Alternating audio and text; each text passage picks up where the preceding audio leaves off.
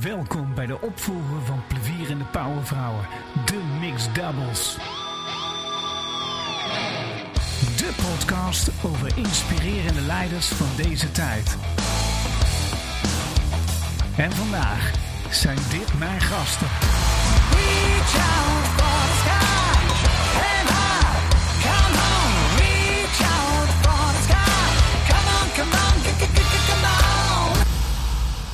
Ja, welkom bij weer een uitzending van Plevierende Pauwvrouwen, de Mixed Doubles. En weer een mooi Mixed Double tegenover me. Want namelijk tegenover mij zit Lodewijk en Veronique. Ze gaan ze zo aan je voorstellen wie zij zijn, wat ze doen en wat hun visie is over leiderschap en over ja, waar, waar ze in de toekomst naartoe willen gaan.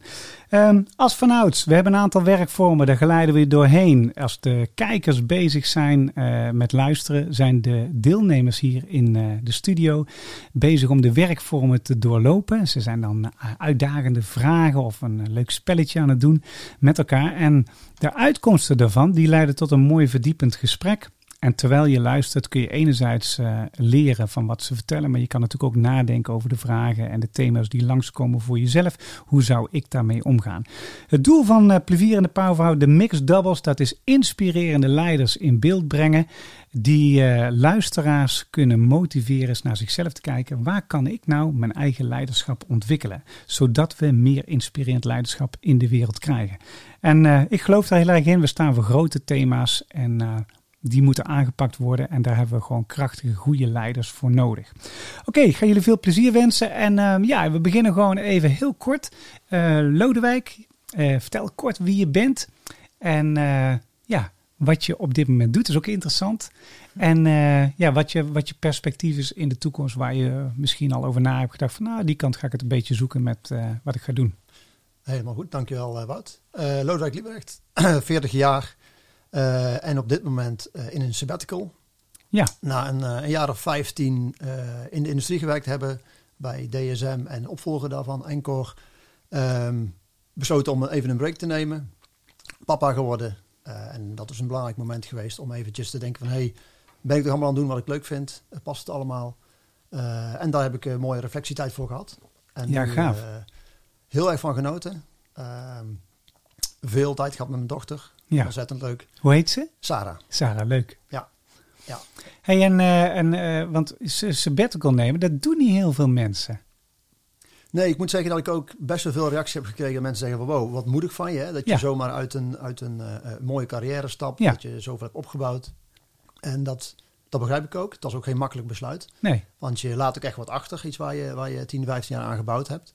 Um, maar voor mij is het leven niet een, een trechter die steeds smaller wordt. Nee. Maar uh, uh, er zijn steeds weer nieuwe zijpaden mogelijk. En uh, je kan alle kanten op. En ik wil graag ook zo het leven benaderen. Dus ruimte maken weer voor nieuwe dingen. En moet je soms ook van sommige dingen afscheid nemen. Ja, heel gaaf. Ik heb uh, in de, de deelnemers die deelnemen aan de podcastseries van Plevierende Pauwvrouwen, de Mixed Doubles en dadelijk de mannen, die komen ook nog, hè, dat ik twee mannen tegenover me krijg. Uh, die komen, vele komen er via via. Maar ik heb vandaag twee mensen die kwamen direct via mij. En uh, ik ken jou nog uit de tijd van uh, Presidential Institute, heb ik jou onthouden. Ik dacht van wat een mooie, open, transparante uh, jonge man was je toen nog. Hè? Dat is een paar jaar geleden. Ik, ik ben ouder als jij. Dat was voor maar, het maar wel, maar Ja, ik, ik heb je altijd onthouden omdat ik, uh, ik vond je toen al inspirerend. En uh, ik denk dat we een hele gave podcast gaan. Want je hebt een hele mooie visie over dingen, vind ik. Uh, hoe je kijkt naar het leven. Hey, en waar uh, heb je al een beetje een duidelijk beeld van wat je hierna gaat doen? Um, er zijn twee dingen die bovenaan staan. Ja. Uh, de eerste is duurzaamheid. Ja. Um, als ik kijk naar de wereld, kijk naar de, de leefomgeving waarin we zitten.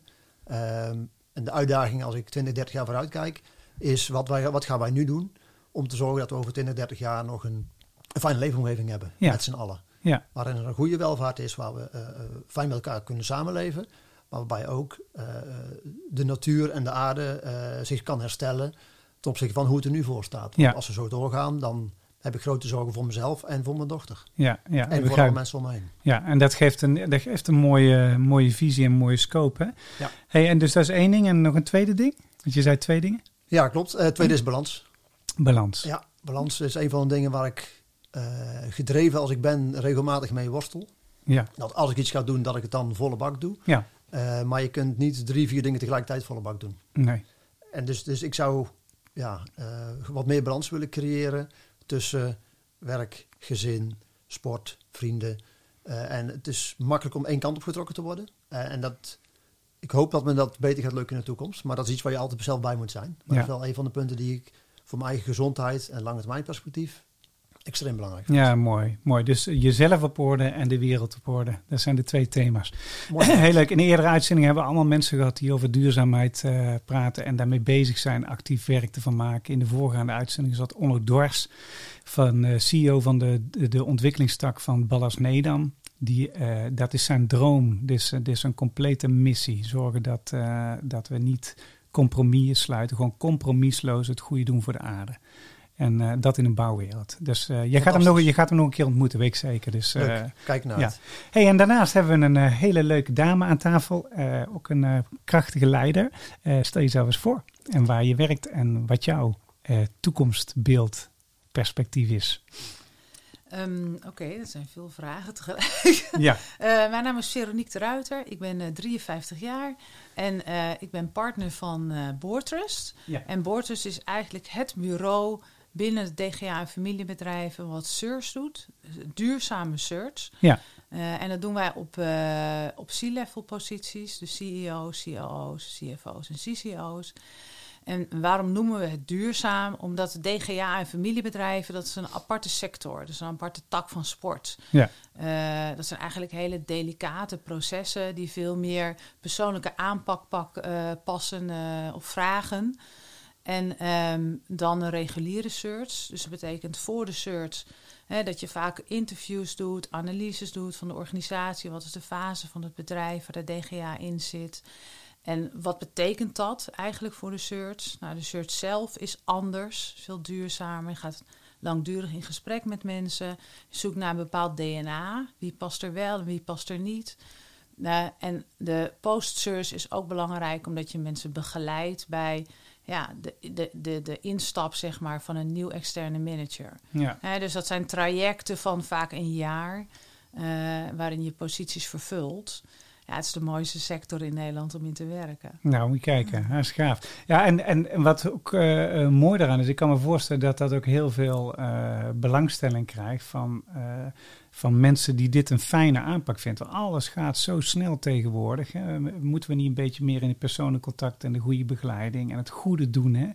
Deze week was natuurlijk eh, in het nieuws Unilever. Hè, de, eh, dat, dat, en niemand ageerde op, eh, op, de, hè, op dat een, eh, een MT-lid zei van we zijn te veel met duurzaamheid bezig, te weinig met rendement halen. Natuurlijk moet je rendement halen, is goed. Maar er was ook niemand die er tegenin ging. Geen journalist, geen MT-lid. Niemand gaf er weerklank op. En toen kwam het op een gegeven moment in het nieuws. En toen was er in één keer heel veel weerklank. Ja, ja. En dit is wel de tijd waarin we dat misschien een beetje nodig hebben. Hoe kijk jij daar tegenaan? Ja, nou zeker. Ja. En eh, eigenlijk, het kan ook niet anders hoor. In de, in de DGA familiebedrijven kan het alleen maar op een duurzame manier.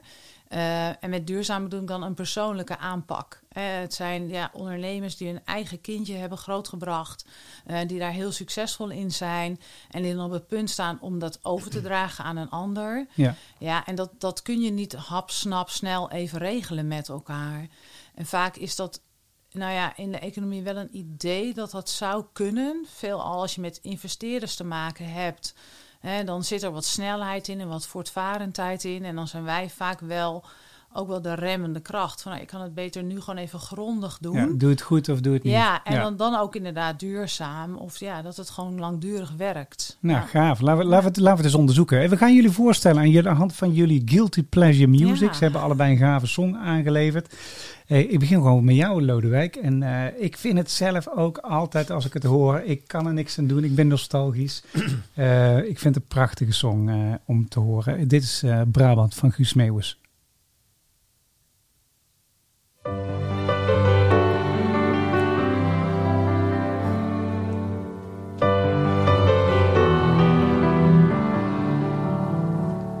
Een muts op mijn hoofd, mijn kraag staat omhoog. Het is hier ijskoud, maar gelukkig wel droog. De dagen zijn kort hier, de nacht begint vroeg. De mensen zijn stug en er is maar één kroeg. Als ik naar mijn hotel op na een donkere dag. Dan voel ik mijn huissleutel diep in mijn zak. En ik loop hier alleen in een te stille stad. Ik heb eigenlijk nooit last van heimwee gehad. Ja, Brabant, hè? Het, het is een fantastisch nummer. Ik vind het prachtig. Vertel eens, waar heb jij met, eh, met dit nummer? Nou, om, te, beginnen ben ik Brabander. eh, geboren, niet helemaal getogen, maar inmiddels wel ruim tien jaar wonend in Den Bosch. Ehm, ik vind het een fantastische cultuur. De gemoedelijkheid, eh, daar geniet ik enorm van. Voor mij is, is leven, heeft heel veel te maken met mensen en met verbinding en met ehm, en samen genieten van dingen. Ehm, nou, ik denk dat Meeuwis dat in dit nummer fantastisch beschrijft. Ik heb ook een hele bijzondere herinnering aan dit nummer. Ik was met een, eh, met een goede vriend eh, naar Auschwitz geweest. ja, Een grote stap, tot wat ik net noemde. Hè. Dus een enorm indrukwekkende ervaring. Ehm, ja, dat gaat je niet in de koude kleren zitten. Veel over gesproken. ja. En s s'avonds zit je in, in Krakau in een, in een hostel zaten toen nog. Was net na onze studententijd. En zaten we nog wat na te, na te kletsen met, met een wodka. En ehm, het was laat in de nacht toen we terugliepen. ja. En toen had ik nog zo'n oud telefoontje, een, een, een Nokia eh, oud nummer. 6110 Eh, ja, waarschijnlijk wel. Maar dan kon je dan wel zo'n mp3'tje op hebben. en Oh ja. toen heb ik dit mp3'tje aangezet toen we terugliepen van, het, van de kroeg naar ons hostel. Ja, mooi. En dan denk je wel van, tjong, wat leven we eigenlijk toch op een fantastisch rijk... eh, wat hebben we toch een, een rijk leven eigenlijk als je in Nederland leeft. Waar je alles voorzien hebt. Waar je geen last hebt van alle dingen. Waar, dus dingen die je eerder die dag gezien hebt hè, in Auschwitz. Denk van, jongen, wat hebben we toch de wereld daarna mooi opgebouwd met z'n allen. En hoe belangrijk is het wel niet om, dat, om daarvoor te staan. De vrijheid die er is. En, en het samenleven met elkaar zonder mensen uit te sluiten. Ja, ja, prachtig. Ja. Dus het doet die twee dingen met me. Ja, ja, ja het is, eh, eh, maar het is allebei e- e- emotioneel verbonden. Hè? Dus, Absoluut, Ja, ja. ja. ja, het is, eh, herken ik wel, ja. Ik heb het overigens ook zo, want ik heb een hele reis gemaakt door Nederland. Maar altijd als ik in Brabant binnenkom rijden, denk ik, ja, maar hier ben ik thuis. Ik ben overal thuis, maar hier ben ik een beetje speciaal thuis. hey, eh, dankjewel. Hartstikke gaaf. En eh, het, ge- het geeft ook een beetje aan hoe je eh, als mens en als leider in het leven staat. Hè? Dus dan kunnen we dat mooi verdiepen dadelijk. Hey Veronique, je, je had ook een heel mooi nummer. Ik heb ooit een keer een coverband gehad. Die Ripley 13. En die speelde dit als intro. En prachtig nummer. Black Eyed Peas. Where is the love?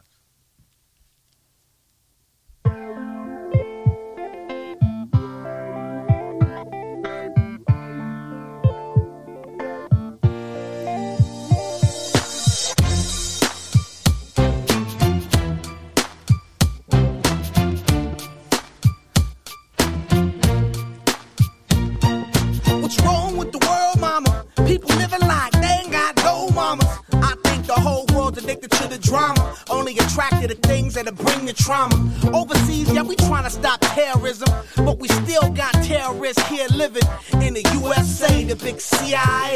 The Bloods and the Crips and the KKK. But if you only have love for your own race, then you only leave space to discriminate. And to discriminate only generates hate. And when you hate, then you're bound to get irate. Yeah, madness is what you demonstrate. And that's exactly how anger works and operates. Man, you gotta have love just to set it straight. Take control of your mind and meditate. Let your soul gravitate to the love, y'all, y'all. People killing, people dying, children hurt, and you hear them crying. Can you practice what you preach and would you turn the other cheek? Father, Father, Father,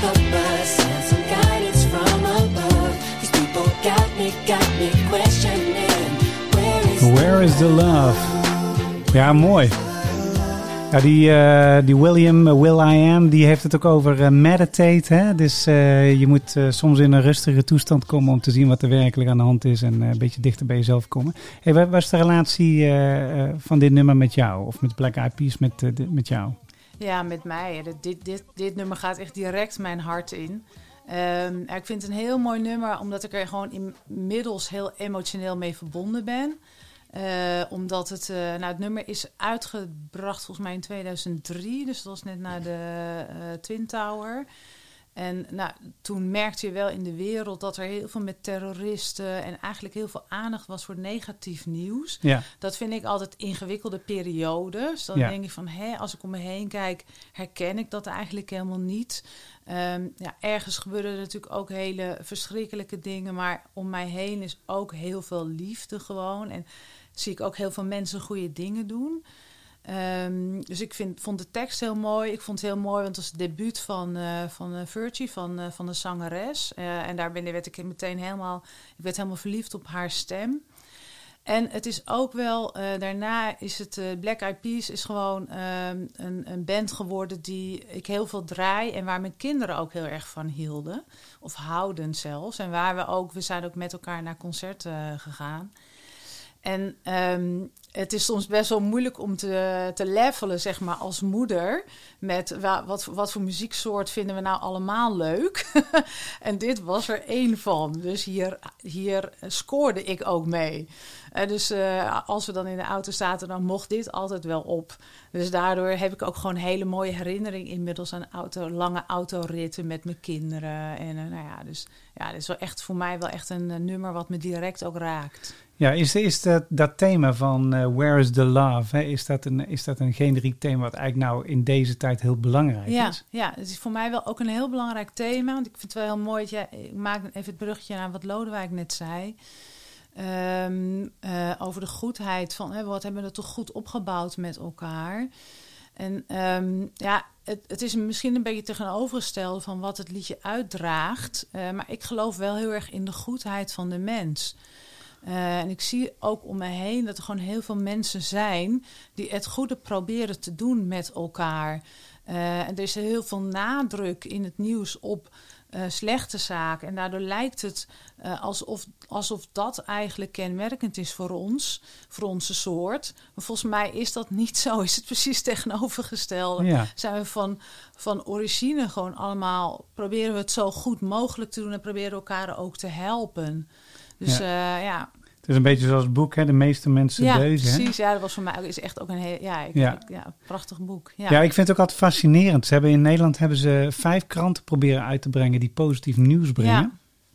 En toch worden die niet succesvol. Ik Ja. vind het zo apart. Terwijl Ja. je zou denken, nou ja, achter elk negatief dingetje, daar zit ook een positieve balans, weet je wel. Breng, het, breng dat ook eens in ja, beeld. ja, En, en, eh, Misschien, eh, misschien is het, eh, het goede doen en al die dingen is te gewoon.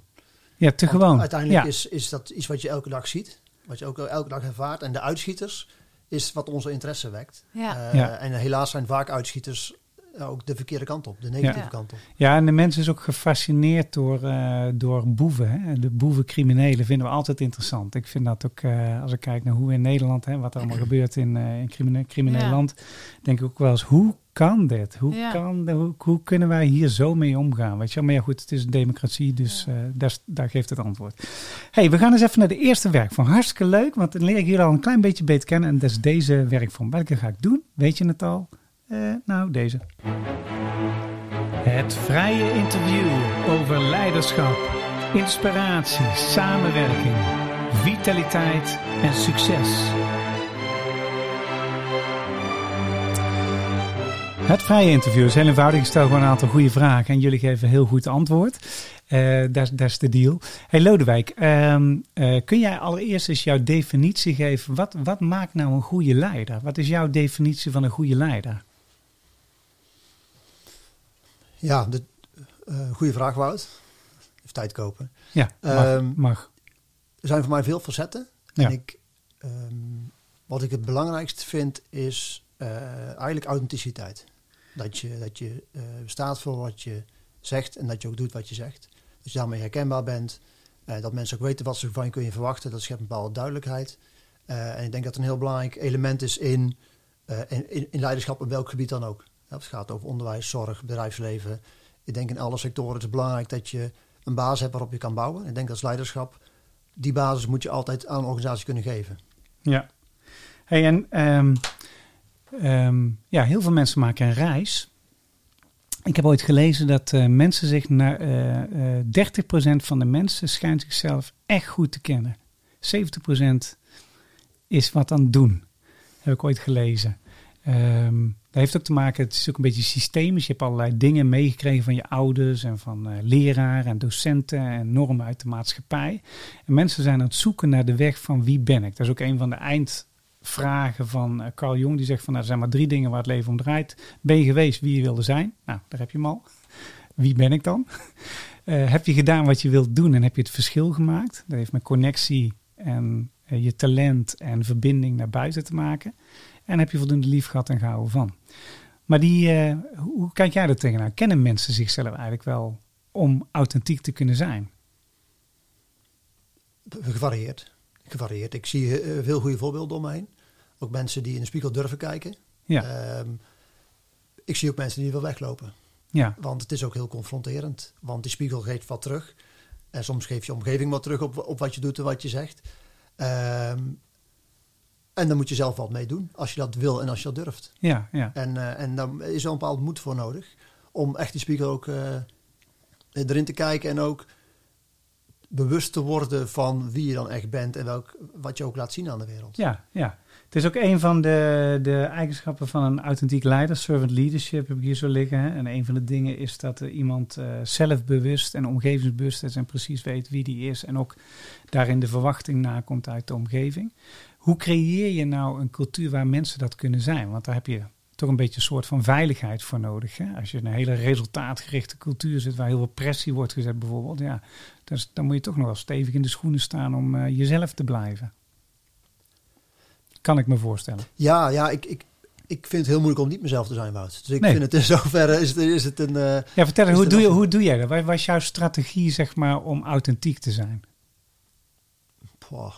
Ja, ik weet niet wat een strategie is. Het is ook meer een, een, een, een, een voor een deel ook een keuze. Hè? Ja, Je, je, je kunt ervoor kiezen om dingen te doen omdat mensen zeggen dat het nodig is. Maar ja, je kunt er ook voor kiezen om er niet in mee te gaan. ja, En, en aan te geven wat jij belangrijk vindt. Ja. En waar jij voor staat. Dus het is ook ehm, ja, een stukje moed wel om ook soms ja, niet met de stroming mee te gaan. ja. En te blijven staan voor waar je, waar je voor staat. ja. En heb je, eh, neem je dan ruimte of, eh, of, eh, of eh, heb je gelijk het antwoord klaar? Ben je gewoon een hele snelle denker die snel kan anticiperen? Of neem je af en toe rust? Of, Nee, beide. Soms, soms eh, weet je al wel waar je staat en kan het vrij snel. Maar soms moet je ook, heb je echt even ruimte over wat vind ik hier nu eigenlijk echt van. Ja, En dat je dat, je dat ook moet aangeven en later op terug moet komen. Van hey, geef me even tijd om hier ehm, te bedenken wat ik hier nou eigenlijk echt van vind. Ja, ja, eh, precies. voor mij is het, het nachtje slapen is voor mij wel een wondermiddel. ja, Eh, dat helpt heel erg om dingen weer eventjes op scherp te krijgen. En de volgende ochtend weet je vaak wel hoe je, hoe je erin zit. ja, gaaf. Ja, nou, dat vind, ik- dat vind, ik, al- dat vind ik al een perfect eh, middel om dat te doen. Hè. Dus, het slapen loopt ook terug. Hè. Mensen slapen de afgelopen vijf jaar, eh, ik geloof 11 tot 15 procent minder. Dus mensen, ja, er zijn heel veel mensen die melatonine extra gaan halen om, eh, om, ja, om in de ritme te komen. Maar slapen is vaak een remedie voor rust en herstel, maar ook om even te kunnen reflecteren. Dus eh, absoluut waar. Hey, en Veronique, jullie zijn bezig met eh, ja, de search, executive search in, bij DGA's op verschillende posities.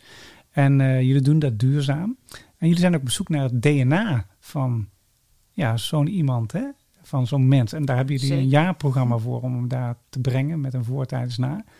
Ehm, hoe doe je dat dan? Hoe doen jullie het? Ja, ja dat, is een, eh, dat is een hele veelgestelde vraag. Eh, en vaak krijgen we ook de vraag van wat voor testen gebruiken jullie? Oh ja, ja. ja. Eh, nou, ik ben van origine psycholoog, dus ik Ja. heb best wel iets met vragenlijsten. Dus ik sluit het niet uit. Ehm, maar het beste is toch om gewoon met elkaar in gesprek te gaan. Ja. Ehm, en, eh, en dan ook langdurig in gesprek te gaan. Ja, hè. dus, even niet- de tijd ervoor nemen. ja, dus niet eventjes een half uurtje. eh, en ook bij voorkeur niet via Teams. Ongeacht de afgelopen jaren. Maar gewoon even live elkaar in de ogen kijken. Ehm, nou, en, en ook wat moeilijkere vragen stellen soms. Eh, er mogen ook wel wat lastige momenten komen. En, en, en ook een paar keer met elkaar in gesprek gaan. Ja. Dus echt verbinding zoeken met iemand, zodat je ook het vertrouwen krijgt. Eh, nou, en dat iemand zichzelf ook ja, kwetsbaar op durft te stellen en blootgeeft. Want daar heb je uiteindelijk natuurlijk veel meer aan. Want je hebt er niks aan als iemand een mooi verhaaltje over zichzelf loopt op te houden. Waaruit, ja, eh, en uiteindelijk blijkt dat dat helemaal niet past of dat het helemaal niet uitkomt. Het is veel handiger als je van tevoren weet waar het ongeveer mis kan gaan en wat voor hulp iemand daarbij nodig heeft. Ja, ja dat snap ik. Hey, kun, je, kun je eens een voorbeeld geven van eh, als je iemand, hè, eh, eh, je hebt een heel goed gesprek met iemand, noem eens een paar voorbeelden of een voorbeeld van, van een moeilijke vraag. Wat vinden mensen over het algemeen eh, een moeilijke vraag? Ja, dat, ehm, dat, is, dat is een vraag die, waarvan ik me eigenlijk altijd verbaas dat het een moeilijke vraag is. Ja, ja, Eh, maar veel mensen, en zeker veel mensen die lang bij corporates hebben gewerkt, ehm, die vinden het ingewikkeld om te beantwoorden van goh, als er nou iets is wat je aan jezelf zou mogen veranderen. Wat zou dat dan zijn? Oh, of ja. als er iets is wat je de afgelopen jaren hebt ge- eh, geleerd, waarvan je denkt van, hé, jammer dat ik dat heb. Dat had ik toch eigenlijk wel niet willen hebben. Wat zou dat dan zijn? Ja, en dat vinden toch veel mensen een ingewikkelde vraag om te beantwoorden, omdat ze dan een beetje gaan spelen met een soort van sociaal wenselijk antwoord. En dus dan krijg je antwoorden als: Ja, ik ben iets te perfectionistisch. Of weet je, dan weet je, oh ja, dit heb je echt van internet gehaald, dat je dit moet antwoorden. Ehm, in plaats van gewoon te zeggen: Ja, ik, ik vind het eigenlijk wel vervelend dat ik zo bijvoorbeeld hè, daadkrachtig ben, dat ik andere mensen passeer. Daar moet ik echt op letten. Of ehm, ja, dat ik zo besluitvaardig ben, eh, dat ik te direct ben, eh, dat ik soms wat eh, minder soepel ben in mijn communicatie. Nou, weet je, dat zijn antwoorden waar je iets aan hebt. Of waar je denkt, oké, dat is fijn om te weten. ja. En daar kun je dan ook op doorvragen Ja, van in welke ja. situatie gebeurt dat dan? Hoe ga je er dan mee om? En Ja. dat soort dingen. Ja. Ja, maar ik kan me wel voorstellen dat mensen dat best wel pittige vragen vinden. Hè. In basis, hè, van, in mijn eigen bedrijf, dan gebruik ik ook een tool VIP24. eh, ehm, die relateert heel erg aan de natuurlijke interesses van mensen, en natuurlijke voorkeuren en de waardesystemen gedragen en hoe ze dat manifesteren. Dan komt uiteindelijk komt er een vitaliteitsmetertje uit. Uiteindelijk moeten we het gesprek voeren, want eh, de VIP24 zegt eigenlijk nog niks. Hè, want eh ja, 30% geeft dat een soort van richting. En je kan er eh, dingen uithalen of ze aligned zijn of niet. Maar ik vind het altijd fascinerend als ik met mensen heb, alleen al ga praten over hun interesse. Wat interesseert je werkelijk? Dat mensen heel snel daar op, ja, op marchanderen of dat ze het niet weten. Wat interesseert je werkelijk? Wat vind je werkelijk leuk, weet je wel? En daarvoor kunnen kiezen. Ja, dan krijg je heel vaak van die. an- Ja, heel vaak krijg ik dan antwoorden die iets met sport te maken hebben. Ja, En dan zijn het ook nog wel vaak eh, de sporten die goed liggen, zeg maar. Hè? Ja. Dus mensen zijn toch vaak bezig met een soort van verkooppraatje. ja, Eh, durven niet te zeggen dat ze van vissen houden, bijvoorbeeld. ja. Hè, maar dat moet dan kolven zijn, zeilen, hardlopen, fitness. Weet je, dat zijn allemaal geaccepteerde sporten. ja. Maar gewoon interesses. Als je zegt van, ik vind het fijn om te wandelen s'avonds. Ja, dat klinkt natuurlijk doodsaai als je dat zegt. Hè? Terwijl, ja. dat is natuurlijk veel interessanter om te horen. Van Ja. wat je werkelijk interesseert. Ja. Hey, en, en- en als je er ethisch een, een, een eh, norm aan zou koppelen, wat je eigenlijk als interviewer nooit maar doet. Maar stel je voor, er zit een CEO tegenover je en die zegt van, eh, nou, ik, eh, ik hou heel erg van bare knuckle fights, hou ik heel erg van. Weet je wel, doe ik elk weekend. En eh, wat, wat, wat doe je er dan mee? Ja, doorvragen. Doorvragen. Van, goh, wat maakt nou dat dat je interesseert? Of wat maakt dat je dat iedere weekend nodig hebt? Of wat bereik je dan na het weekend? Hè? Waar word je dan gelukkig van? Eh, ja, welke energie levert het je op? Eh, ja, dus doorvragen. Ja. natuurlijk super interessant. Ja, ja, dat, Ja, dat is het zeker. dat is super interessant. Het is ook heel leuk, want we hebben natuurlijk de, de Guilty Pleasure Musics. En dan krijg ik soms krijg ik dan nummers en denk hè? Hij? Ik had bijvoorbeeld vorige week had ik iemand die had full beat, weet je, ken je dat? Dat is echt vette hard rock. Maar die zat ook echt zo tegenover. Hij zei, ja, die kende je nog niet van mij, hè? Ik zei, nee, maar daar gaan we even over door. ja, heel leuk. Hey, ehm, de, ja, deze tijd die heeft heel veel eh, uitdagingen. Eh, wat heeft een eh, leider volgens jou nodig eh, als ja, eigenschappen of skills of kennis om in deze tijd goed eh, te kunnen functioneren? Stel je voor, je zou op jouw thema gaan. Stel je voor, je wilt duurzaamheid creëren in de wereld en je zorgt er- dat de balans bij jezelf en je omgeving eh, aanwezig is. Wat, wat voor eh, eigenschappen, kennis, kunde deel je dan een leider toe? Voor mij is het eh, om te beginnen van belang dat je die dingen uitspreekt. Ja, En dat je daar mensen in gaat meenemen en verbinding maakt met mensen ja, eh, in, in, in je doelen en in je dromen. Ehm, want hè, als je hebt over duurzaamheid, dat zijn dingen die je nooit in je eentje kan. nee, Sterker nog, ik geloof daar enkel in dat je daar dingen kan bereiken als je gaat denken in, in ketens en zelfs in ecosystemen. Omdat het alles raakt. Hè, dus je kunt in je eentje fantastische dingen gaan bedenken, maar daar ga je ehm, meestal niet heel ver mee komen. Dus je moet hem veel breder trekken en dus moet je de groep groter maken en mensen bij gaan betrekken en andere mensen enthousiasmeren, inspireren. Van hé, hey, la, we het gaan doen, we het aandurven.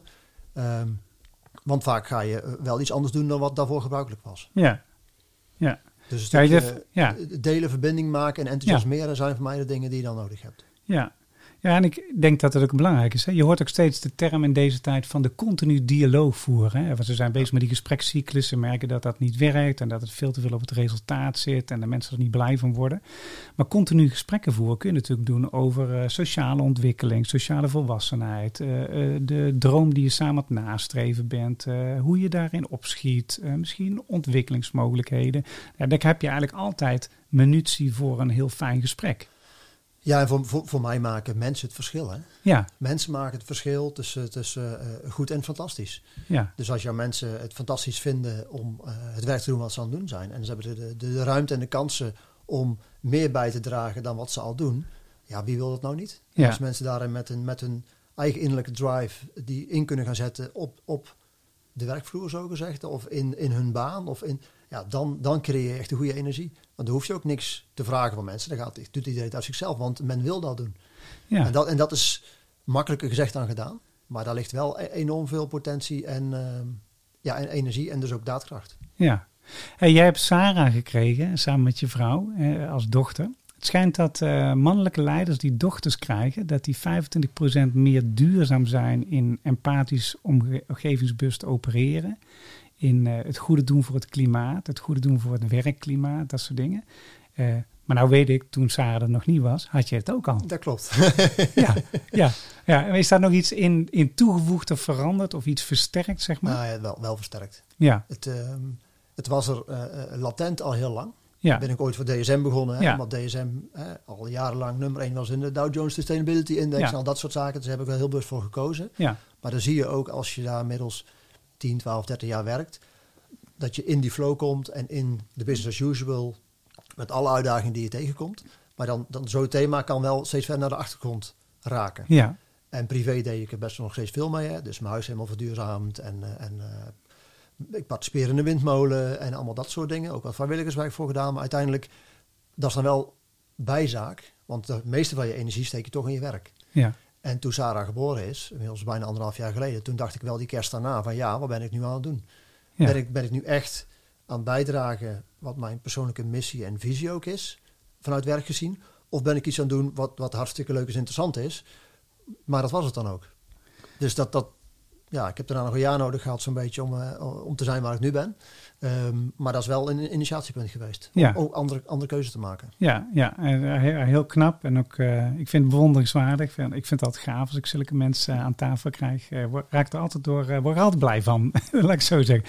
Oké, maar de, dus eh, ja, duurzaamheid is het thema. Hè? Dus mensen maken het verschil tussen goed en fantastisch. eh, verbinden van doelen, dromen met elkaar. Je moet niet denken alleen aan jezelf. Je moet denken dan veel meer aan samenwerking in ketens en ecosystemen. Zorg dat je mensen betrekt, inspireert. En vooral afvragen, wat ben ik nou aan het doen? Ben ik nog mijn droom en missie aan het volgen? Iets wat duurzaam blijft voor de maatschappij. Eh, zou je er nog iets aan toevoegen aan dit? Zeker, ja, ja, ja. Want wat ik daar graag aan toe wil voegen is eh, koersvastheid. En dat is wat ik ook vaak mis bij grote organisaties. Zet een koers uit op basis van je visie. En zeker als je langetermijn visie hebt. En als het om duurzaamheid gaat, dan gaat het gewoon over lange termijn. En wat je veel ziet, is dat er dan wel een hele mooie visie is, maar dat er op het korte termijn, doordat er iets gebeurt, toch opportunistisch gedacht wordt en dat er toch andere kansen nagejaagd worden. In plaats van dat er koersvastheid is en dat er dus ook nee gezegd wordt tegen bepaalde keuzes. Nee, dit gaan we niet doen, het past niet bij onze koers. Dus laten we nou gewoon doen wat we hebben afgesproken met elkaar en daar ook sterk in zijn en elkaar daarin vasthouden. Ja, ik vind dat, dat vind ik mooi. Ik, ik las in een onderzoek dat dat ook absoluut waar is. Dus een, een leider moet ook koersvast kunnen zijn. En, en, ja, en ook, hè, al is het alleen maar om te zorgen dat mensen niet denken van... Hé, wat gaat hij nou weer doen? Ja. Weet je wel? Maar meer van, oh, hij houdt nog steeds vast aan die visie. Hij doet nog steeds wat belangrijk is. En als het verandert, praat ons erop bij. Want dat kan natuurlijk, hè, dat de buitenkant verandert Ja. of zo en dat het moet. Ja, dat, dat, dat, dat zal maar enige aanvulling zijn. Koers vast is super belangrijk, maar we zitten- leven wel in een snel veranderende wereld. Ehm, dus koers vast met wel met de blik naar buiten. Dat je wel ziet als daar trends veranderen, als het gaat over digitalisering, automatisering. ehm, dat zijn wel thema's waar je als bedrijf in mee moet. eh, om te voorkomen, denk ik, als je, als je het te lang niet doet, dat je achteraan staat. Ja. Ja, maar dat past, dat past volgens mij wel in de koers. Hè? Dus Ja. ik bedoel niet star, eh, maar echt gewoon, Ja. eh, we blijven op een bepaalde weg. En, eh, en dat, dat, dat merk ik zelf ook aan onze eigen organisatie hoor. Het is gewoon makkelijker soms om links of rechts af te slaan als zich daar een kans voor doet. Dus je denkt, oh maar dit is ook heel gaaf. Laten we dit gaan doen joh. Nou ja, dat snap ik. Ja. En dan, nee, weet je, dan, moet, dan, dan moeten we even met elkaar ook weer de beslissing nemen. Nee, dat gaan we niet doen, want we staan ergens voor. Hè, en eh, dus we zeggen hier nu nee tegen, om op die koers te kunnen blijven. Ja, ja, mooi. Ja, Confucius die heeft ooit een keer gezegd van eh, je hebt je waarom, je hoe en je wat. En, de- en eh, Simon Sinek heeft dat vertaald in de Golden Circles. En hij zei eigenlijk, eigenlijk moeten organisaties moeten veel meer van binnen naar buiten denken. Dus waar veel organisaties zeggen, nou wat doen we? We doen dit. En hoe doen we het? We doen het zo. En als er dan een verandering komt, oh ja, nou moeten we dit gaan doen en we gaan het zo doen. Eh, zegt hij van nee, je moet veel meer redeneren vanuit je waarom. Wat is onze werkelijke drijfveer, onze werkelijke missie, ons waardesysteem? Eh, wat, waar zijn wij samen trots op en proberen we tot leven te wekken? En als er dan een verandering komt, we, nou oké, is die missie nog gelijk? Ja, is nog steeds passend. Maar hoe vullen we hem dan vanuit die missie opnieuw in? Ja, exact. En dat, Ja. dat gesprek voeren schijnt dan belangrijk te zijn. Ja, mooi. Ja. Ja, mooi hè? hey, laten we eens even kijken of jullie nog meer over, want ik hoor allemaal overeenkomsten met elkaar, of jullie nog meer hebben. Oh, De overeenkomstenrace. De overeenkomstrace. Is heel, makkelijk. Eh, jullie kennen elkaar nog niet zo heel goed. Kort gesprekje gehad net met elkaar. Eh, maar wel een mooie match. Dus daar gaat zeker iets eh, moois uitkomen. Ehm, de bedoeling is dat je een brainstorm doet met elkaar drie minuutjes. Om zoveel mogelijk overeenkomsten te ontdekken die jullie hebben in jullie leiderschap. Of jullie kijk op jullie leiderschap. Dat is de deal. Ehm, wat ik eh, jullie alvast geef, is dat jullie allebei hele goede luisteraars zijn. Alle twee. Die krijg je van mij. Mooi. ik, ik, ik, ik heb hem gehoord, dankjewel. Ja, Dankjewel. ja daar mag je op inhaken. Oké, ja, daar herken ik wel. En dan mag je met haar het gesprek voeren. Ja. Ja? Ja. Super. Eh, nou, even makkelijke dingen, hè, maar duurzaam hebben, is al heel veel keer genoemd. De, de hoek is misschien soms net iets anders, eh, maar een stukje lange termijn. Ja. En dat voorop stellen en vanuit daar terugdenken naar, maar wat gaan we dan vandaag en morgen doen, is volgens mij iets wat we allebei extreem belangrijk vinden. Ja, ja, ja. en daar, daarop wil ik graag nog aanhaken. Hè. Wat jij net heel mooi zei, vond ik, je moet ook de moed hebben om bepaalde keuzes te maken, hè, om authentiek te zijn. Eh, dat begint voor mijn gevoel wel vaak met zelfvertrouwen. Hè, dat je het gevoel hebt van ik mag ook een moedige beslissing nemen. Eh, en ik durf ook te vertrouwen op mezelf. Maar die moed hebben, zeg maar, om bepaalde keuzes te maken. Ja, dat hebben we volgens mij ook wel alle twee. En dat streven we ook naar, dus dat doen we ook. Dus dat is ook wel eh, iets wat we overeenkomstig hebben. Ja, mooi. Ja. En, ehm, wat ik ook proef, maar ik weet niet, eh, een stukje, een stukje, een stukje daadkracht, maar ook, ook wat willen bereiken, een stukje drive die daaronder zit. Die, die voel ik hier ook. Ik weet niet of je, of je dat herkent bij Zeker. jezelf, maar Ja, ehm, ja, uiteindelijk woorden, woorden zijn mooi en ideeën zijn mooi, maar uiteindelijk wil je ook gewoon dat er wat gebeurt. ja. En, en dat, dat er actie in het actie is. Zeker, ja, ja. Mooi dat je dat zegt. Ja. Want ik vind dat dat is ook wel iets wat ik soms mis eh, ehm, eh, in, in de omgeving. Dat er veel woorden zijn en weinig daden. En is hier naast mij zit een man die het gewoon gedaan heeft. Ik denk van, nou, weet je, daar begint het. Dus laat dat dan de voorbeelden zijn. Laat dat dan ook inspirerend zijn voor anderen. Dus eh, ja, dat vind ik Ik, wel... ik, zag laatst een quote ergens, eh, we've got a new strategic plan, it's called doing things. Ja, oh mooi. Vond ik wel mooi, hè? want je kunt uitblinken in dingen op papier zetten hoe het zou moeten zijn, maar uiteindelijk gaat er wel om wat je elke dag doet. Ja. Ja. Dat is wat het verschil maakt. Ja. En eh, die woorden op papier zijn heel geduldig. Ja, ik hoor mezelf nu ook steeds iedere keer die vraag stellen aan mensen. En wat doe je dan? En wat heb je dan gedaan? Hè, als we het hebben over, ja, ik zou graag willen duurzaam. of Ik zou graag, eh, Oké, en wat heb je dan gedaan? Dus eh, gewoon echt, eh, ja, niet alleen practice what you preach, maar ook preach what you practice. Het is gewoon echt wel een, eh, ja, een, een motto aan het worden. Ik denk ook om geloofwaardig te zijn. Hè? En om ook de grote uitdaging die we voor ons zien om daar echt vooruit te gaan komen. Ja, wie ga je nu met je meekrijgen als, als je niet staat voor wat je doet en dat mensen ook kunnen zeggen. Nou, bijvoorbeeld zo'n Boris Johnson hè, in, in Engeland en, en COVID-maatregelen en je mag niemand zien en zelf feestjes geven. Ja, als je het hebt over leiderschap, voor mij val je dan gigantisch door de mand. Ik denk dat het ook niet gaat riemen. Um, maar dat zijn wel de voorbeelden, denk ik, die je nu gewoon ziet gebeuren. Als je dus niet doet wat je zegt en wat je wel van anderen vraagt, ja, dan, dan, dan ben je toch af. Dan doe je Ja. er niet meer mee. Ja. Ja, of dat je. Ja, ik vind ook wel dat je als, eh, als leider eh, het goede voorbeeld moet geven, maar je mag ook fouten maken. Dus het mag ook best wel zo zijn dat je af en toe denkt: Oh, hier ben ik echt een beetje uit de band gevlogen.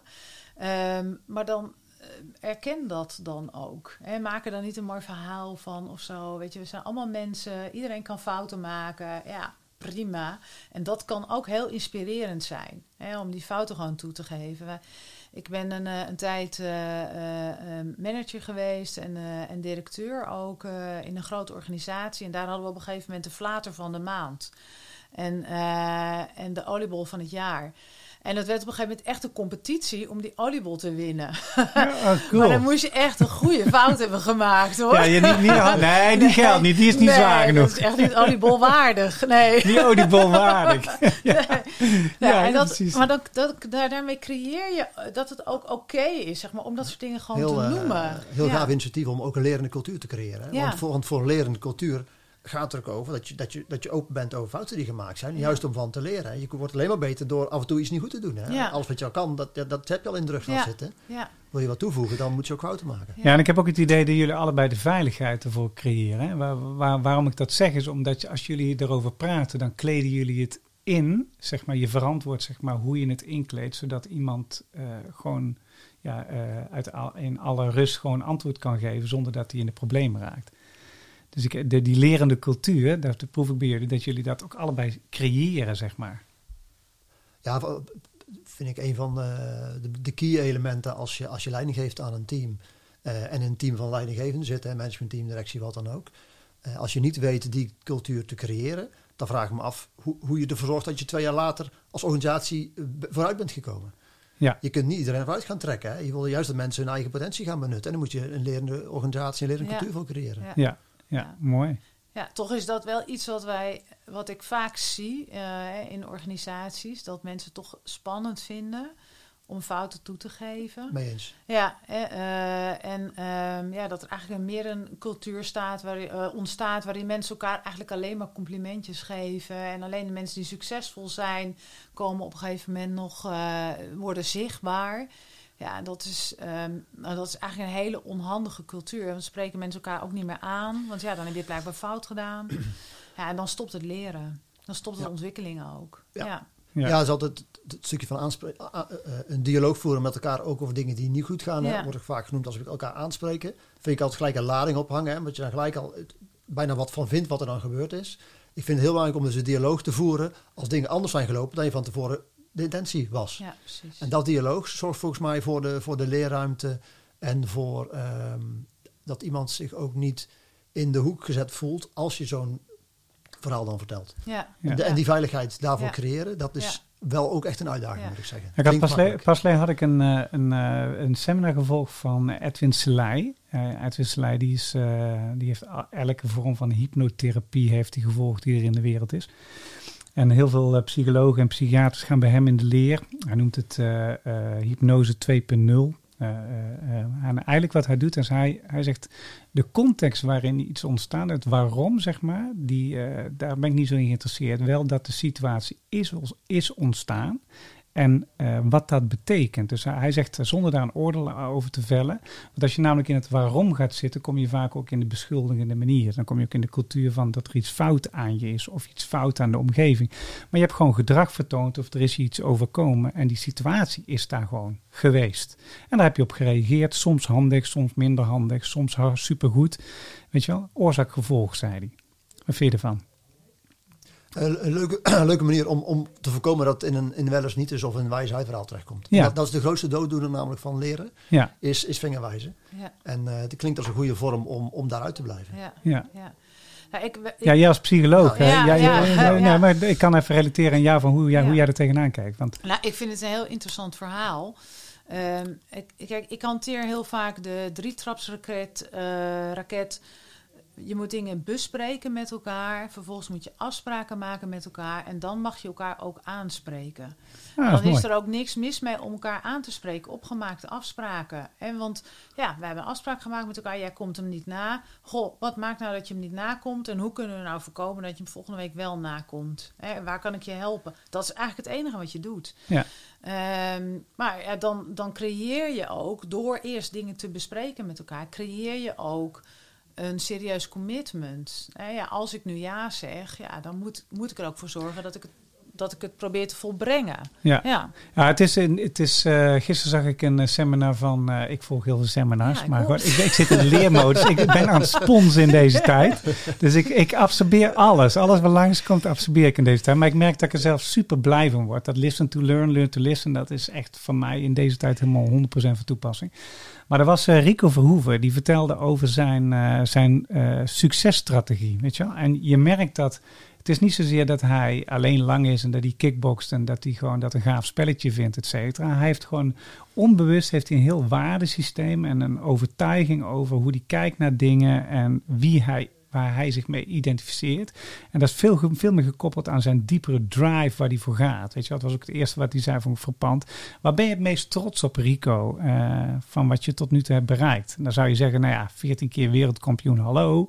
Nee, hij zegt, eh, nee, mijn gezin, zei hij. Daar begon hij mee, met, met mijn gezin. Daar ben ik het meest trots op. En dat bleek ook, zijn gezin was ook de drive waarom hij elke dag hard gaat. Weet je wel, dat, nou, dat vind ik echt super grappig gewoon. Dus die, eh, die diepere laag, ja, dat is iets wat alle mensen mogen ontdekken. Oké, Ja. hey, dus we zouden kunnen, als we generiek het op een rijtje zetten, zou je dus kunnen zeggen, dus luisteren, duurzaamheid, lange termijn, terugrekenen naar het nu. Hè? Dus eh, hey, wat gaan we in de lange termijn doen en wat betekent dat voor ons werk, samenwerken nu? Eh, heb ook de moed om beslissingen te nemen. Eh, zorg ervoor dat je daadkracht, drive ontwikkelt om ervoor te gaan. En doe het goede.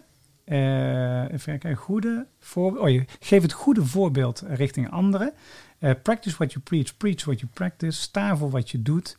Eh, zorg ervoor dat er een cultuur ontstaat waar je mag leren en ook fouten mag maken. En dat het in veiligheid gebeurt. En dat dat in een dialoog gebeurt waar mensen kwetsbaar mee mogen zijn. En als je dat doet vanuit, nou, we bespreken iets, we signaleren iets, we maken er een afspraak over en dan, spreken we elkaar aan hoe het gaat. Gaat goed, gaat goed. Als het niet goed gaat, spreken we elkaar aan. En ontstaat een fijne, open cultuur. Wel mooie, mooie eigenschappen van leiderschap dit. Nou, als je zo zegt, dan denk ik van... Kijk, ik heb hier, de- ik heb hier de tien eigenschappen Als je van... het kan vinden in één persoon. Ik heb hier de, de, de tien eigenschappen van servant leadership. Dan zeggen ze, nou, een goede leider staat open voor wat er gezegd wordt en wat er juist niet wordt gezegd. Dus die kan goed luisteren, is empathisch in het herkennen van iemand zijn unieke persoonlijkheid en om dat eh, daar oog voor te hebben en er ook ruimte voor te geven. Ehm, he- invoelend vermogen.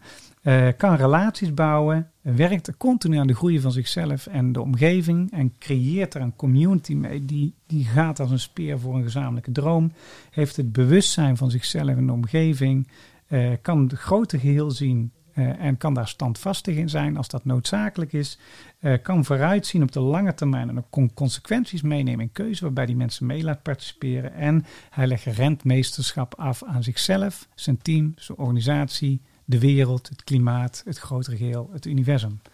Nou, eh, eh, eh, een hele, hele mooie lijst. Maar als ik hem langs die van jullie hou, wat, dan, wat veel overeenkomsten. Ja, best wel eigenlijk. Ja, zo zegt, ook een stukje Ja. koers, koersvastheid wat je zo noemde. Hè. En er komen echt heel veel, eh, heel punten terug. Wat ik, wat ik nog mooi vind, is ook de zelfontwikkeling. Ja, Die hebben, hebben we niet echt genoemd. Ik moet ook zeggen, als ik de afgelopen 15 jaar zo terugkijk, heb ik daar best wat ruimte voor gehad. Eh, de laatste jaren was ook heel veel learning by doing. Ja, Ehm, wat ook voor mij heel goed werkt. Maar ik vind dat daarnaast moet er ook wat zijn dat je gewoon vanuit een, een, een rust, een theoretisch kader of een, of, of een boek of een seminar of wat dan ook. Dat, daar heb ik wel, had ik meer mogen doen als ik nu terugkijk. ja, ja. Omdat het juist ook weer een stukje verbreding en of verdieping kan geven. Wat Is dat- aanvult bij ja, gewoon, gewoon je, je- business goed te draaien, zeg maar. Is dat, is dat in, in, eh, in de flop van de week, zeg maar? Of de, hoe noemde je dat nou? De oliebol? eh, nee, De oliebol van het jaar. oliebol ja. van het jaar. Nee. nee. Welke De flater van de maand. Maar, eh, ja, de flater van de maand. Elke mens heeft die. Hè? Dus eh, eh, ik, ik heb ja, in mijn ondernemerschap zoveel gehad. eh, maar de laatste was bijvoorbeeld gewoon veel te diffuus zijn in veel te veel willen, weet je wel. Dus ik ben nou alles aan het versimpelen in één lijn. Eh, maar er komt ook, eh, ik had er een, laatste keer een gesprek met iemand over. Ik zei van ja, weet je, ik ben eigenlijk meer een, een kleuren kopieermachine. Ik kan alles gekleurd mooi creëren. Weet je Daar- ik heb ook hele brede interesse voor alles. Weet je, ik kan, daar kan ik niet stilhouden. Weet je dus, maar het is wel een valkuil als ik daar te veel in door eh, sla, zeg maar. Mijn vrouw zegt wel eens tegen me van dat, dat je iets kan, wil ook niet zeggen dat je het ook moet gaan doen. Ja, dus deze, is jouw valkuil is die gerelateerd wat je aan het begin zei, dat je te veel hooi op je voornemen of te veel drive geeft? Of wat is jouw... jouw Nou, dat, is- dat, is- dat is wel een van mijn valkuilen, ja. ja, Ja, ja, en dan ben ik, ik ben ook van nature ook meer een duursporter, hè, dus een marathon gelopen Oh ja. en dat soort dingen. Dus ik kan het heel lang volhouden. Ehm, maar je moet dan oppassen dat je niet te lang op de grens blijft lopen. ja, precies. Ja, Want ja. dan op een gegeven moment dan kun je aan de verkeerde kant van de grens terechtkomen. En dat, daar wordt niemand blij van. Ja, dat vind ik wel mooi. En, en het geeft ook aan dat je dus die balans, hè, dat je dat nu als focuspunt 2 Ja, eh, ja, of één, één van de twee focuspunten hebt, zeg maar, dat eh, maakt het mooi. En bij Ver- Veronique, wat was bij jou eigenlijk jouw, jouw kwetsbare deel, zeg maar, waar je minder goed in bent? Ja, ehm, eh, dat is eigenlijk heel eenvoudig te beantwoorden. Ik ben ook een duursporter. Eh, dus dat, dat is ook nog iets wat we Ja. gemeenschappelijk hebben, zat ik net te denken. Ook een aantal marathons gelopen. En mijn eh, kwetsbare kant is mijn ratio. Ik ben geneigd om te denken, zeg maar, en van- om vanuit mijn denken te bepalen. En wat minder contact te zoeken met mijn gevoel. Eh, en dat betekent dus ook dat ik over mijn grenzen ga. Gewoon rationeel over mijn grenzen ga. Dus als je het hebt over duursporten, dan ben ik geneigd om een, een lijstje te volgen. Hè, een, een, eh, een, eh, trainingslijstje, omdat het op het lijstje staat. Ja, Zonder te voelen, heb ik pijn aan mijn knie of kan dit eigenlijk, kan mijn lichaam dit aan? Dus daar zit wel een kwetsbare kant. Dat mijn omgeving af en toe moet zeggen, joh, ik kijk nu naar je, maar misschien moet je toch eventjes even een stapje terugnemen. Eh, In plaats van, ja, eh, je lijstje te volgen of je voorbereiding te volgen. Dus mijn ratio kan mijn zwakke kant zijn, zeg maar. Maar- oké. Ja. Ja, mooi. hey, Ja. laten we, laten we eens eh, kijken, een stukje verder verdiepen. Hartstikke Ja. leuk.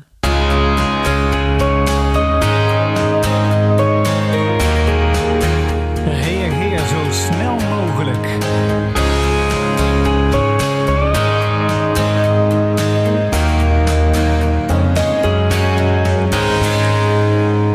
Zo snel mogelijk. Eh, ik leg jullie eh, een aantal woorden voor. En de bedoeling is dat je zo snel mogelijk intuïtief reageert op het woord. Hoe kijk je daar tegenaan? Eh, duidelijk hoe het werkt?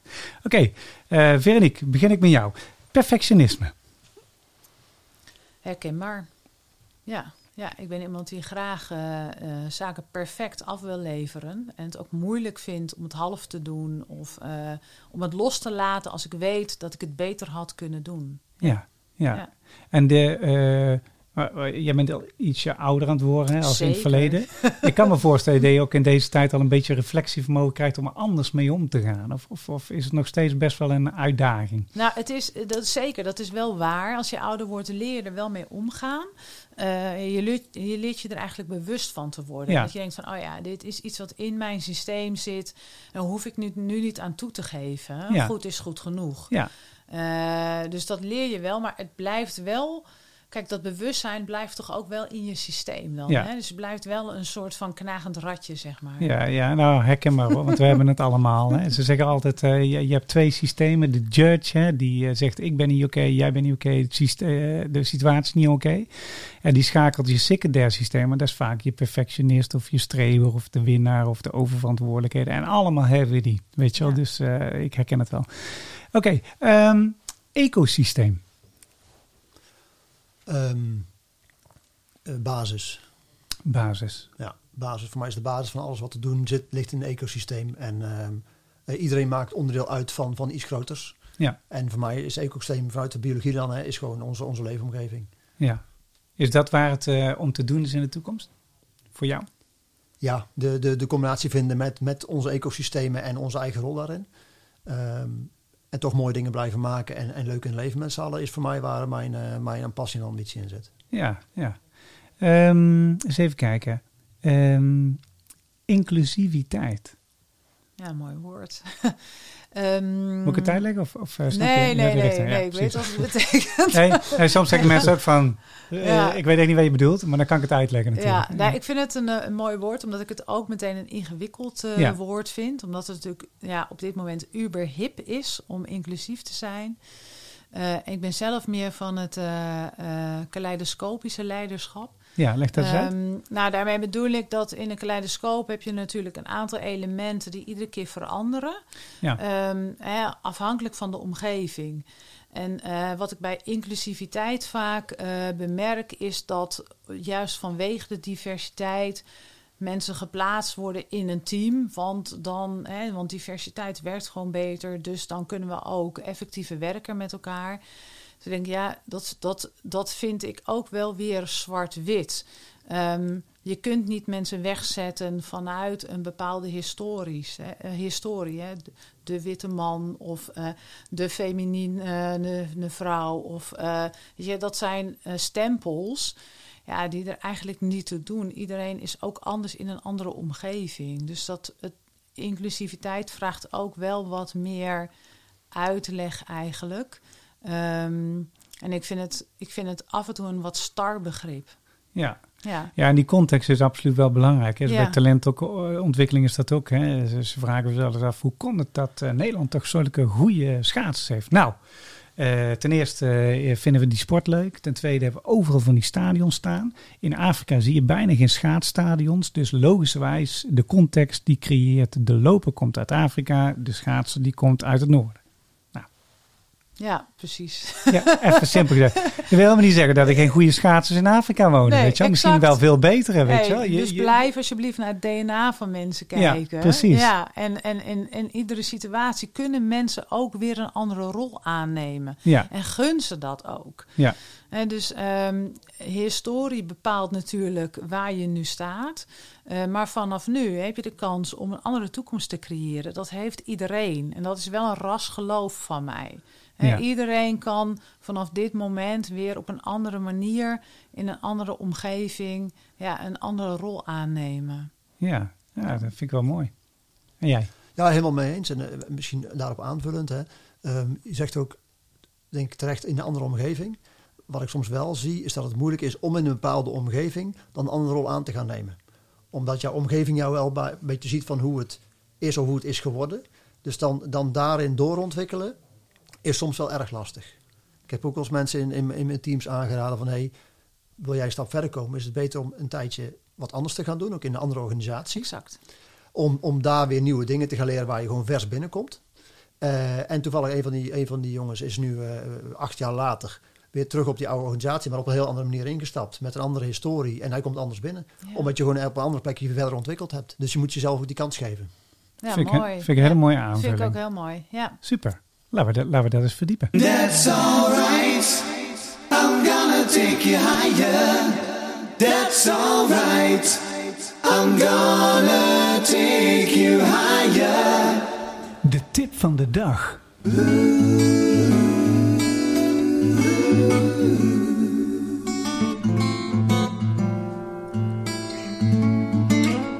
Nou, de tip van de dag is eigenlijk: eh, stel je voor, je zou de wereld een eh, heel mooi advies geven. En eh, de wereld luistert naar en iedereen neemt dat advies ook over. Die zegt van nou, dat gaan we gewoon doen. Het is te gek. Hè? Wat zou je dan adviseren? Ja, je kijkt mij aan, dus ik denk dat ik Ja, mag. ja, je, nee, nee, Nee, je mag allebei. Je mag, als je denkt, oh, ik heb hem, dan mag je gewoon zeggen. oh, Nou, wat, wat, ik, wat ik heel veel mensen wel zou gunnen, is, is, is even stilstaan bij wat, wat vind je nu echt belangrijk en waar, waar sta je elke dag voor op. En wat daaruit komt, mee gaan nemen in wat je elke dag doet. En daarmee niet doorgaan met wat je gewoon maar aan het doen bent, want dan ben je toevallig aan het doen. Dat zou ik heel veel mensen gunnen, want ik denk dat je daarmee eh, door de bank genomen eh, gelukkiger wordt. En Ja. dat gun ik ook iedereen. Zouden mensen in dat opzicht ook eh, veel meer over hun beslissingsstrategieën na kunnen denken? Ik heb wel eens ooit gelezen dat eh, mensen vier beslissingsstrategieën. Eh de eerste was van, eh, even kijken of ik het nog goed kan herinneren. Ehm, Als het goed voelt voor mij en het is goed voor mij en het is goed voor jou en het grote geheel, dan moet je het doen. Als het niet goed voelt voor jou, maar het is wel goed voor jou, het is goed voor de ander en het grote geheel, moet je het eigenlijk ook doen. Dan moet je waarschijnlijk iets overwinnen. Als het wel goed voelt voor jou, maar het is niet goed voor jou, het is ook niet goed voor de ander, het grote geheel, dan mag je het eigenlijk niet doen, maar veel mensen doen het toch. En als je het niet goed voelt, voor jou, het, is, het voelt ook niet goed voor de ander en ook niet voor het grote geheel, moet je het niet doen, maar toch doen ook heel veel mensen dat. Getuigen alle mensen die stress, burn-out, conflicten in de auto met de vingers omhoog, nou, dat soort dingen. Ehm, zou mensen daar iets in kunnen leren over hoe ze gefundeerd beslissingen kunnen nemen? Want kijk, als je dit doet wat jij zegt, hè, wat vind je belangrijk? Waar sta je voor op? En je neemt dat mee in de beslissingen van je dag. Kun je eigenlijk toch niet verkeerd uitkomen, zou je zeggen? Nou, ik denk, eh, als je eh, iets van David Kahnem, Daniel Kahneman heeft gelezen, hè, Nobelprijswinnaar, over hoe het denken gaat, hè, Ja, dat de meeste besluiten worden genomen zonder dat je eigenlijk over nadenkt. Ah. Nadenken kost energie. ja, Eh, en heel veel dingen doe je op basis van dingen uit het verleden. En de meeste mensen nemen voor mij 60.000 besluiten op een dag. En de supermarkt eh, en het continu nemen besluiten. De meeste neem je zonder enige tijd of aandacht aan te besteden. Gewoon puur op basis van historie, intuïtie, automatische piloot. ja, Wil je echt gaan nadenken over een besluit, dat kost energie. Dan moet je tijd in steken. Doe je met maximaal 5% van je besluit op een dag. ja, dat is weinig. Ja. Dat is weinig. Ja, dus heel veel gebeurt Het gewoon. vuilbare denken is het. Hè? Het Ja. vuilbare denken, ja, klopt.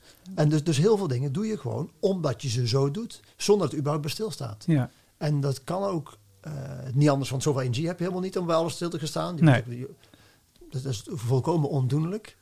Maar ik denk dat er soms wel besluiten zijn waar je wel wat langer bij stil zou mogen staan. ja. En dat je automatische piloot, ehm, dat, dat je er bewust van wordt dat je ehm, het ding op de automatische piloot doet voor, voor belangrijke elementen. En voor mij zijn het ook dingen als bijvoorbeeld voeding. ja. Nee, je kunt gewoon doorgaan met, met, met, met wat je altijd deed. Maar ik ben er erg op aan het letten voor en mijn eigen gezondheid, maar ook van hey, wat is het effect van de voeding die ik eet op, op onze leefomgeving in lange termijn. Dus er zijn wel dingen waar ik mee bezig ben en dat is heel bewust. Ehm, ja, weer vanuit de lange termijn gedachte. Hè? Ja. En wat doe ik dan nu? Dat is wel een van de thema's waar ik de laatste maanden mee bezig ben. Ja, ik doe hetzelfde. Want ik, eh, ik, ik sport ook veel en eh, heb mijn voedingspatroon ook aangepast. Maar ik heb een routine, zeg maar, die ik volg. En die routine is een goede routine, want ik merk dat de energie gigantisch toeneemt. Weet je wel? Dus mijn focus wordt beter, mijn energie wordt beter, ik slaap beter. eh, nou, dat soort dingen. Mijn focus wordt beter. Eh, maar ik doe het ook omdat ik, eh, ik heb namelijk een quest. Ik kan die quest alleen maar volbrengen. 100.000 mensen geïnspireerd op een nummer 1 talent aan het werk krijgen. Dat kan ik alleen doen op het moment dat ik zelf op orde ben. Anders lukt het me gewoon niet. Weet je wel? Dus ja, ik vind het mooi dit. Een goede toevoeging. hey, en jij, als je de advies mag geven aan de, eh, de luisteraar. Ja, zeker. Ja, ik heb een, eh, een, eh, een, een hele belangrijke tip. En dat, dat komt eigenlijk voort uit mijn eigen levensles. Omring je met mensen die in je zone van je naaste ontwikkeling zit, zitten. Ik wou zeggen liggen, maar zitten is denk ik beter. En daarmee bedoel ik, omring je met mensen die inspirerend zijn voor je. Eh, en voor mij persoonlijk betekent dat mensen die net even iets sneller gaan dan jij misschien kan of dan jij misschien wil. Ehm, ik, en ik, eh, ik, ik heb in de afgelopen jaren heb ik, eh, heb ik geleerd dat dat voor mij belangrijk is. Hè, dat ik mensen in mijn omgeving moet hebben die zeggen: "Joh, kom op, we gaan er gewoon voor. Want dat inspireert mij ook om nog even een stapje harder te zetten. En ehm, voorheen, in de afgelopen jaren, heb ik ook wel een tijd een, paar keer in een omgeving gezeten waarin mensen blij waren dat ik er was en dat ik dingen kwam brengen, maar waar ik eigenlijk zelf niks uithaalde. En dus dat ik alleen maar aan het geven was. En dat ik eigenlijk vereerd was dat ze mij vroegen ergens voor. En dan kwam ik er na een jaar of een twee jaar achter dacht ik, ja, wat doet de rest eigenlijk hier? Uh, dus ik heb nu echt bewuste stap gemaakt. En ik zit nu in een omgeving waarin mensen gewoon net zo hard of nog uh, uh, bij voorkeur ietsje sneller gaan. Um, ja, en dat kan heel inspirerend zijn voor je eigen ontwikkeling. En ik had als, als tip, ik ben op het moment heel erg bezig met, met Spinoza. Ik ben ook, ik vertelde net al, de colleges aan het luisteren in de auto. En Spinoza's Lens, dat is een heel mooi boek over Spinoza. Uh, en, uh, en, en, en deze uh, les, zeg maar, komt heel mooi terug eigenlijk in zijn boeken of in zijn filosofie. Hij is als, als zaken, eh, eh, als, als, als, eh, uit, de, uit de Joodse gemeenschap is hij afkomstig, zaken, eh, zakelijke gemeenschap of zakelijke familie. Succesvolle ondernemersfamilie. En daar is hij op een gegeven moment uitgezet. En toen is hij filosoof geworden en wiskundige. En ehm, hij heeft zich toen omringd eigenlijk met mensen die op dat moment inspirerend zijn voor hem. Dus zon, door er niet bij neer te gaan zitten, zeg maar, of niet bij de pakken neer te zitten, maar juist te bedenken: oké, maar wat ga ik dan nu doen met mijn leven? Heeft hij zich eigenlijk heel succesvol op weten te werken. Ja, dat vind ik gewoon een heel mooi. eh, ik vind het gewoon een hele inspirerende filosoof. En het is ook nog een Amsterdammer. Het is grappig. Die moeten we dan eens, eh, die moeten we, die moeten we eens gaan lezen. Ja. Want dit is gewoon precies de reden dat ik deze podcast eh, begonnen ben. Gewoon, ik, ik ben bezig om inspirerende mensen aan elkaar te koppelen. Die het goede met de wereld eh, voor hebben. En als ik die eh, groep groter en groter laat groeien, dan krijgt, eh, dan krijg ik meer impact op de maatschappij en de omgeving. Dat is de enige reden dat ik dit ben begonnen. Afgezien van het feit dat het intuïtief op mijn pad viel. Maar ja, mooi. Hey jongens, dus we kunnen concluderen. Als je een toekomst, als je die duurzaam wil maken, dan is balans belangrijk. Liefde is ook een belangrijk thema. Hè? Oog hebben voor de, de mensen om je heen. Zie de goedheid in wat eh, de mens kan. Zie ook de goedheid van wat veel mensen proberen te doen. En leg daarbij op eh, minder de nadruk op negatief nieuws, maar probeer de positieve kanten ervan te zien. Jij bent zelf daarvan in de regie.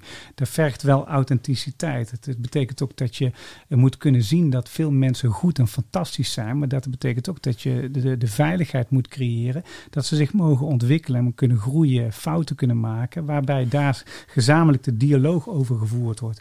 Als je dat goed doet, dan kun je als eh, leider kun je koersvast worden. En koersvast wil zeggen niet gefixeerd. Het wil zeggen dat je gewoon een duidelijke missie-visie hebt eh, over wat je wil eh, eh, realiseren, maar wel altijd met de blik naar buiten. Voor jezelf als leider betekent het gewoon, je moet luisteren, veel luisteren. Het is een lange termijnsvisie, betekent veel gesprekken voeren. Je moet ook beslissingen kunnen nemen en moed daarvoor hebben.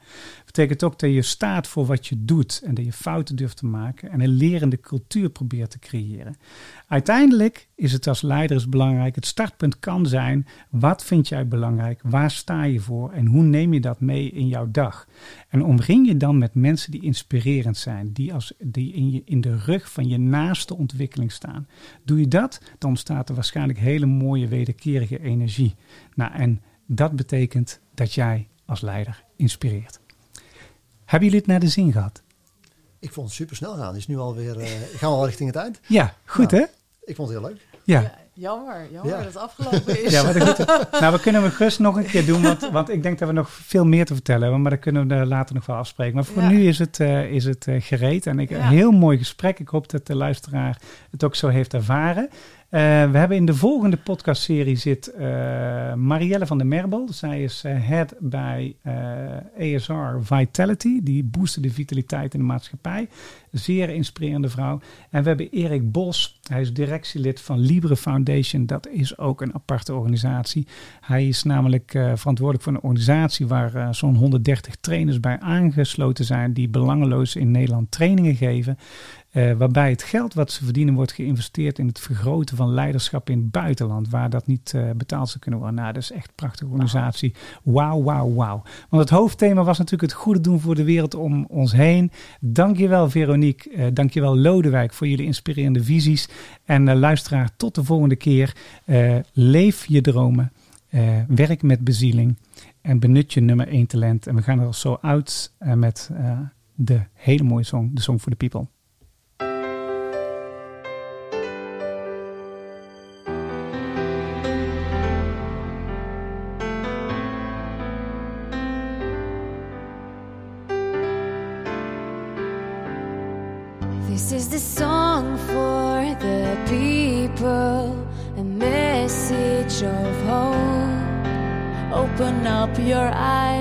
Look to the sky, the sun will shine on.